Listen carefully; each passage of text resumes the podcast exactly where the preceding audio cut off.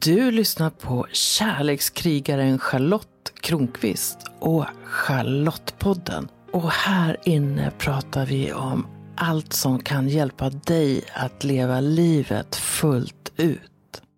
Jag är ungefär 40 år och sitter och fikar på min kroppsterapiutbildning.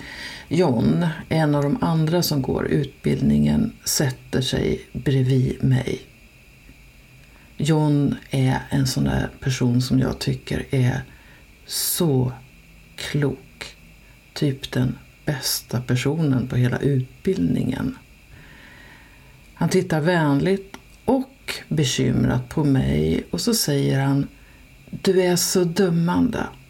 Men vet att den som dömer andra ofta dömer sig själv mest. Sen är han vänlig nog att använda sig själv som exempel på när han är dömande för att jag inte ska gå i försvar utan fortsätta lyssna på honom. John, vad du än är, du är fantastisk. Hans ord slår ner som en bomb i mig. Är jag dömande mot andra? Stämmer det verkligen? Är jag också väldigt dömande mot mig själv? Jag har inte riktigt tänkt på det. Det är som att hans ord hjälper mig att se något hos mig själv som kanske borde ha varit uppenbart sedan väldigt länge. Han ser arrogansen hos mig, men också hur den äter mig själv. Han ser mig peka finger åt andra. Han ser mig svara sarkastiskt. Han ser mig säga saker på andras bekostnad. Han ser mig göra mig rolig på andras bekostnad eller ibland på min egen. Det är som att han ser rakt igenom mig. Han ser hur rädd jag är. Jag vet bara att jag kan lita på det John säger att han säger det här för att vara schysst mot mig. Att han hade det där samtalet med mig för att han brydde sig.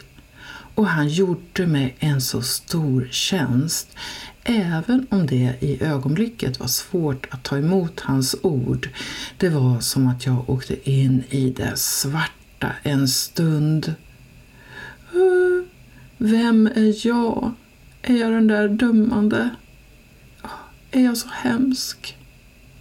Och jag tänker på Helena Roths ord tydlighet är snällhet. Och ja, så är det. Även om det ibland gör satans ont att ta emot det tydliga budskapet. I kroppsterapiutbildningen fick jag lära känna mig själv på djupet. Jag kunde inte längre blunda för mig själv eller ljuga för mig själv. Delar av utbildningen handlade om att faktiskt se mina egna skuggor, kanske dansa med dem, kanske föra ut dem i ljuset. Det häftiga med skuggor är att de verkar mer skrämmande i mörkret än de blir när jag väljer att se dem i ljuset. Just det där ögonblicket när något förs fram i ljuset, som i samtalet med John, kan jag vara livrädd. Då brukar skammen vara närvarande. Men sen brukar det lugna ner sig. Ja, visst, jag har alla de där sidorna jag dömer hos andra. Ja, visst, jag ställer höga krav på mig själv. Och ja, visst har det förekommit att jag använt min arrogans som försvarsmekanism. Det är så mycket som räknas som fult eller felaktigt eller icke-passande enligt gällande normer i det samhälle vi lever i. Jag, liksom de flesta andra, påverkas av den etik och moral som råder, även om jag inte är helt medvetet om vad den består av. Och jag inser att jag blivit väldigt påverkad av jantelagen, vars första budord är du ska inte tro att du är något. Det jag gjorde var att jag gick till motoffensiv mot jantelagen även om jag inte visste det då. För något i mig visste att jantelagen är falsk. Att den är till för att trycka ner oss och känna oss små och värdelösa och beroende av andra. Jag har hela tiden känt att jag är något, så jantelagen gick stick i stäv med det som kändes på insidan. Ändå var jag tvungen att anpassa mig till den, för bröt jag för mycket mot jantelagen så blev jag straffad. Det tydligaste exemplet är att jag blev mobbad i skolan för att jag var en duktig elev. Kanske var det då arrogansen växte i mig, när jag är 10, 11, 12 år och inte får vara med när jag ser att de som mobbar mig är små människor, när jag börjar känna mig större än dem. Det finns en paradoxalitet i det där. För å ena sidan kan jag förakta de som inte låter mig vara med, å andra sidan vill jag få vara med och då dömer jag mig själv för att jag inte platsar. Jag vill liksom både och. Och lite senare lär jag mig att spela deras spel och få vara med och bär ändå en del av arrogansen inom mig. Något i mig tyckte att jag var mycket bättre än dem. Vad är då arrogans och på vilket sätt kan det fungera som en försvarsmekanism? För mig är arrogans tanken jag är bättre än dem. Genom att förstora mig själv och förminska andra så slipper jag känna en del av den smärta det innebär att inte få vara med. Strax kommer jag att läsa ett kapitel ur min bok 100% Charlotte, ta ditt inre ledarskap. Det är kapitel 10 och det handlar om just arrogans. Jag berättar en episod då jag kände mig liten och utanför och ville visa de andra att de var ytliga genom att jag berättade något djupt personligt och traumatiskt för dem. Jag försökte alltså dölja mitt mindervärde genom att på något sätt placera mig över dem.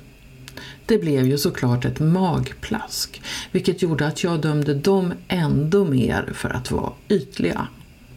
Och så ser jag den där ensamma tjejen jag som 21 år, hon som vill vara med, som står utanför stängda dörrar, som försöker komma på knepet att få vara en del av en gemenskap. Och som, när hon inte släpps in, både dömer dem som dumma och sig själv som fel. Eftersom hon inte tillåts komma in. Vad hade hänt om jag hade släppt in lite sårbarhet? Om jag på något sätt hade visat att jag kände mig osäker, alltså varit äkta, istället för att dra historier om min familj. Kanske var det inte möjligt just den gången, det vet jag inte. Men kanske det var möjligt. Men jag vet att högmod går före fall och att jag med åren blivit mer ödmjuk. Idag dömer jag mig själv mindre hårt än tidigare och följdreaktionen har blivit att arrogansen blivit mindre. Kanske handlar det också om ålder och mognad. Jag har hunnit lärt mig en del genom livet hittills. Så när är du arrogant? När dömer du dig själv? När dömer du andra? Reflektera gärna över det när du lyssnar, eh, när jag läser kapitlet. 10. Försvarsmekanism, arrogans. En av mina starkaste försvarsmekanismer har varit arrogans. Jag har suttit på mina höga hästar och sett ner på andra. Det är en strategi jag inte rekommenderar. Det är lite som att kissa på sig. Det värmer för stunden men sen blir det blött och kallt. Är du genomtänkt? Är du oantastlig? Är du felfri? Vågar du erkänna det? Jag har varit så dryg ibland. Jag kunde sätta mig på mina höga hästar och sen titta ner på människor och tycka att de var dumma, som snyggtjejerna på krogen. Jag tror att ett av de värsta skällsorden i min uppväxt var att säga att något var ytligt. Småprat kallades för kallprat, som jag minns det. Samtal skulle handla om något. Det köpte jag med hull och hår. Jag älskade att hålla koll på nyheter och att diskutera, gärna politik. Min första kärlek var den amerikanska presidentkandidaten Robert Kennedy. Han sköts ihjäl strax innan jag fyllde nio. Jag älskade Martin Luther King också. Jag ville ha en bättre värld redan som barn. Det fanns bara en helig tid på dygnet i mitt barndomshem. Det var när pappa kom hem och åt lunch och det var tid för lunchekot i radion. Då måste vi vara tysta som möss. För nyheterna var det viktigaste. Jag lärde mig snabbt. Det blev naturligt att hålla koll på vad som hände i världen. Nyheter och samhälle var en del av min livsluft. Jag kände mig både hemma och bekräftad i det. Jag kände mig vilsen i sammanhang där det var förbjudet att tala om väsentligheter. Jag minns ett festgäng där det enda som var tillåtet var att tala om förra festen. Minns du hur Kerstin? Minns du hur Jari? Minns du hur Robert? Eller sport, trimmade motorcyklar. Det var väldigt begränsat. Men jag fick vara med och jag accepterade spelreglerna. Kanske var det festerna när vi talade om förra festen som gjorde att jag så småningom fick nog av att tala om ingenting. Jag engagerade mig politiskt i 17-årsåldern och umgicks i några år med debattglada människor. Där kände jag mig mer hemma än med festgänget. Men jag lämnade politiken bakom mig när jag började plugga på Journalisthögskolan. Episod Min mammas depression. Jag är 21 år och befinner mig i en liten våning på Östermalm i Stockholm. Jag är omgiven av människor som jag tycker är bättre än jag och flera säger fint. Jag känner mig underlägsen. Jag talar dalmål och har andra referensramar än dem. Jag har aldrig varit i Åre och åkt skidor. Jag har aldrig seglat och jag har inte den sortens solbränna. Vi äter rostade kastanjer och det är nytt för mig. Rostade kastanjer och rött vin i glas och sällskapet är liksom på en regatta i Sandhamn. Jag är utanför och tycker att de är ytliga. För att utanförskapet inte ska göra så ont väljer jag att döma dem. Jag är utanför och vill komma in eller åtminstone märkas. Jag vill att de ska se mig trots att jag inte har vita jeans och aldrig har bott i Lidingö. Jag letar desperat efter något att säga. Jag ska säga något som ska väcka dem. Jag börjar tala om min mammas liv och leverne de senaste åren, hur jobbigt hon haft det. De tittar på mig med blanka ögon. Jag bryter alla tabun det går under loppet av några minuter. Så snart de kan, när jag dragit efter andan känns det som, vänder de sig om, börjar tala om klasser som startat krog i Duved och de jämför backarna och talar om skidorna och afterskin de ska fixa. Jag dricker vin och blir full och blir bara mer och mer fel. Jag säger just inget mer, dränker mig i vinet liksom. Det var enda gången jag blev ditbjuden. Jag straffade ut mig. Jag gick inte att ha i möblerade rum, åtminstone inte på Östermalm. Jag valde att förakta dem trots att jag trillat hårt ner från den höga hästen. Jag vågade inte känna hur ont det gjorde. Högmod och skam gav ensamhet i mitt liv. Så mycket lättare det blivit sen jag slutade ha mindervärdeskomplex. Nu kommer lusten att provocera allt mer sällan. Det brukar räcka med att vara mig själv och sitta där och duga som rockpoeten Bob Hansson skulle kunna säga. Din läxa. I vilka situationer dömer du andra? Ja, hur ofta dömer du andra? Pröva att någon gång ta ett djupt andetag och fundera på, kan jag välja något annat? Kan jag välja att se något bra hos den jag dömer? Kan jag möta hen mer kärleksfullt? Hur skulle det kunna gå till? Och vad händer om jag möter mig själv mer kärleksfullt? Och hur skulle jag kunna bli mer kärleksfull mot mig själv? Det här kan vara frågor mina coachklienter får och de kan vara en väg att bli mer trygg i dig själv när du kan acceptera, när jag kan acceptera, när vi kan acceptera både ljuset och mörkret i oss, när vi kan, åtminstone inför oss själva, acceptera att vi ibland gör fel, att vi ibland sårar, att vi ibland är arroganta, så mjuknar något i oss. Det är min erfarenhet. Så varmt välkommen som coachklient hos mig. Och det enklaste är att coacha via Zoom tycker jag, för då är jag också mer flexibel med tider. Det är massor på gång just nu och det känns så spännande. Jag har just börjat med något som jag kallar för kvinnorummet och kvinnorummet Zoom. Man kan säga att kvinnorummet Zoom är en light-variant där vi under en rad kvällar talar via Zoom om något som är viktigt för kvinnor 45 plus. Första samtalet har redan skett och det är alltså spännande.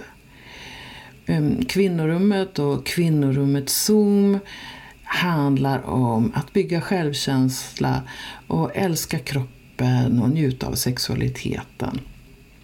Så kolla gärna på min hemsida om kvinnorummet och kvinnorummet Zoom. Och är du med i kvinnorummet som i praktiken idag är en onlinekurs i sju steg så är Zoom-samtalen gratis. Och om du inte är med i kvinnorummet kan du vara med på Zoom-samtalen mot en liten kostnad. Jag hoppas vi ses där. Dessutom startar min tantrasäsong. Och det kommer att bli många tillfällen i Stockholm. Det blir bland annat ett tillfälle med Pantertantra Tantra för oss över 50. Det blir en helgkurs med lekfull tantra, öppet för alla som är intresserade av tantra och parkursen Lekfull tantra som är till för dig som är i ett par och vill utvecklas och komma närmare din partner eller någon annan du vill leka med under en tantrahelg. Och sen så blir det sex lekfulla tantrakvällar under hösten på Stora Essingen i Stockholm. Så kolla in min hemsida charlottekronqvist.org. Kanske kan vi leka tillsammans i höst. Och du, det här med att bli mindre dömande mot dig själv är verkligen viktigt. Så lägg gärna en hand på ditt hjärta.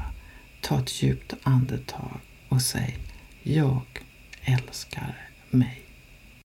Kom ihåg att prenumerera på Charlottepodden så att du är med när nya avsnitt kommer. För vem vet vad du kan få lära dig om livet i det avsnittet.